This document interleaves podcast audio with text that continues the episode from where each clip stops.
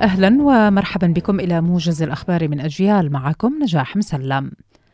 سطو المسلح على فرع أحد البنوك في ترقوميا للمرة الثانية خلال أقل من شهر من قبل شخصين على دراجة نارية. وأفاد العقيد لؤي رزيقات لإذاعتنا الناطق باسم الشرطة أن قوات من الشرطة والأجهزة الأمنية توجهت للمكان وتباشر إجراءات البحث. مقتل شخصين في جريمتي إطلاق نار ارتكبتا في عرابة ويركا في وقت متأخر من مساء أمس لترتفع بذلك حصيلة ضحايا في جرائم القتل التي يشهدها المجتمع العربي في الداخل الفلسطيني منذ مطلع العام الجاري إلى 107 قتلى. إلى ذلك أصيب رجل بجروح وصفت بأنها بالغة الخطورة في جريمة إطلاق نار وقعت بقرية في منطقة الجليل. تشييع شهداء مخيم جنين من أمام المستشفى الحكومي وارتقى 12 شهيدا بينهم خمسة أطفال في عدوان الاحتلال على مخيم جنين. قوات الاحتلال تشن الليلة الماضية وفجر اليوم حملة مداهمات واقتحامات في الضفة تخللتها مواجهات في بعض المناطق واعتقالات طالت عددا من المواطنين. فيما اندلعت اشتباكات مع مجموعة من المقاومين وقوات الاحتلال التي اقتحمت مدينة نابلس. هذا واعتقل الاحتلال عضو مجلس اتحاد الطلبة بجامعة النجاح عبد الله البيتاوي عقب اقتحام منزله في منطقة الضاحية بنابلس.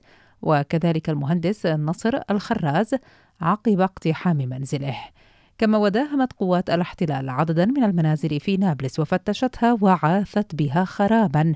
وذلك بعد أن احتجزت القاطنين لساعات وأخضعتهم لتحقيقات ميدانية.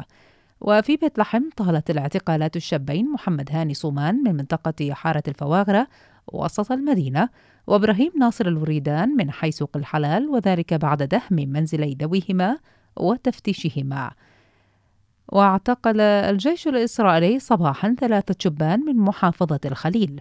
ووفقا لنادي الأسير فإن قوات الاحتلال اعتقلت كل من معتصم دعيس وعبد الله دعيس ونصر نصر الله عبيدو على حاجز عسكري نصبته قرب مستوطنة حجاي المقامة على أراضي الفلسطينيين وممتلكاتهم في مدينة الخليل. إلى حالة الطقس.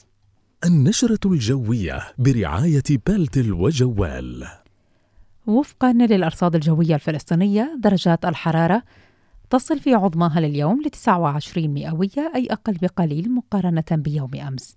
تنخفض ليلا ل 19 مئوية. غدا بإذن الله ترتفع ل 28 وتنخفض ليلا ل 19 مئوية.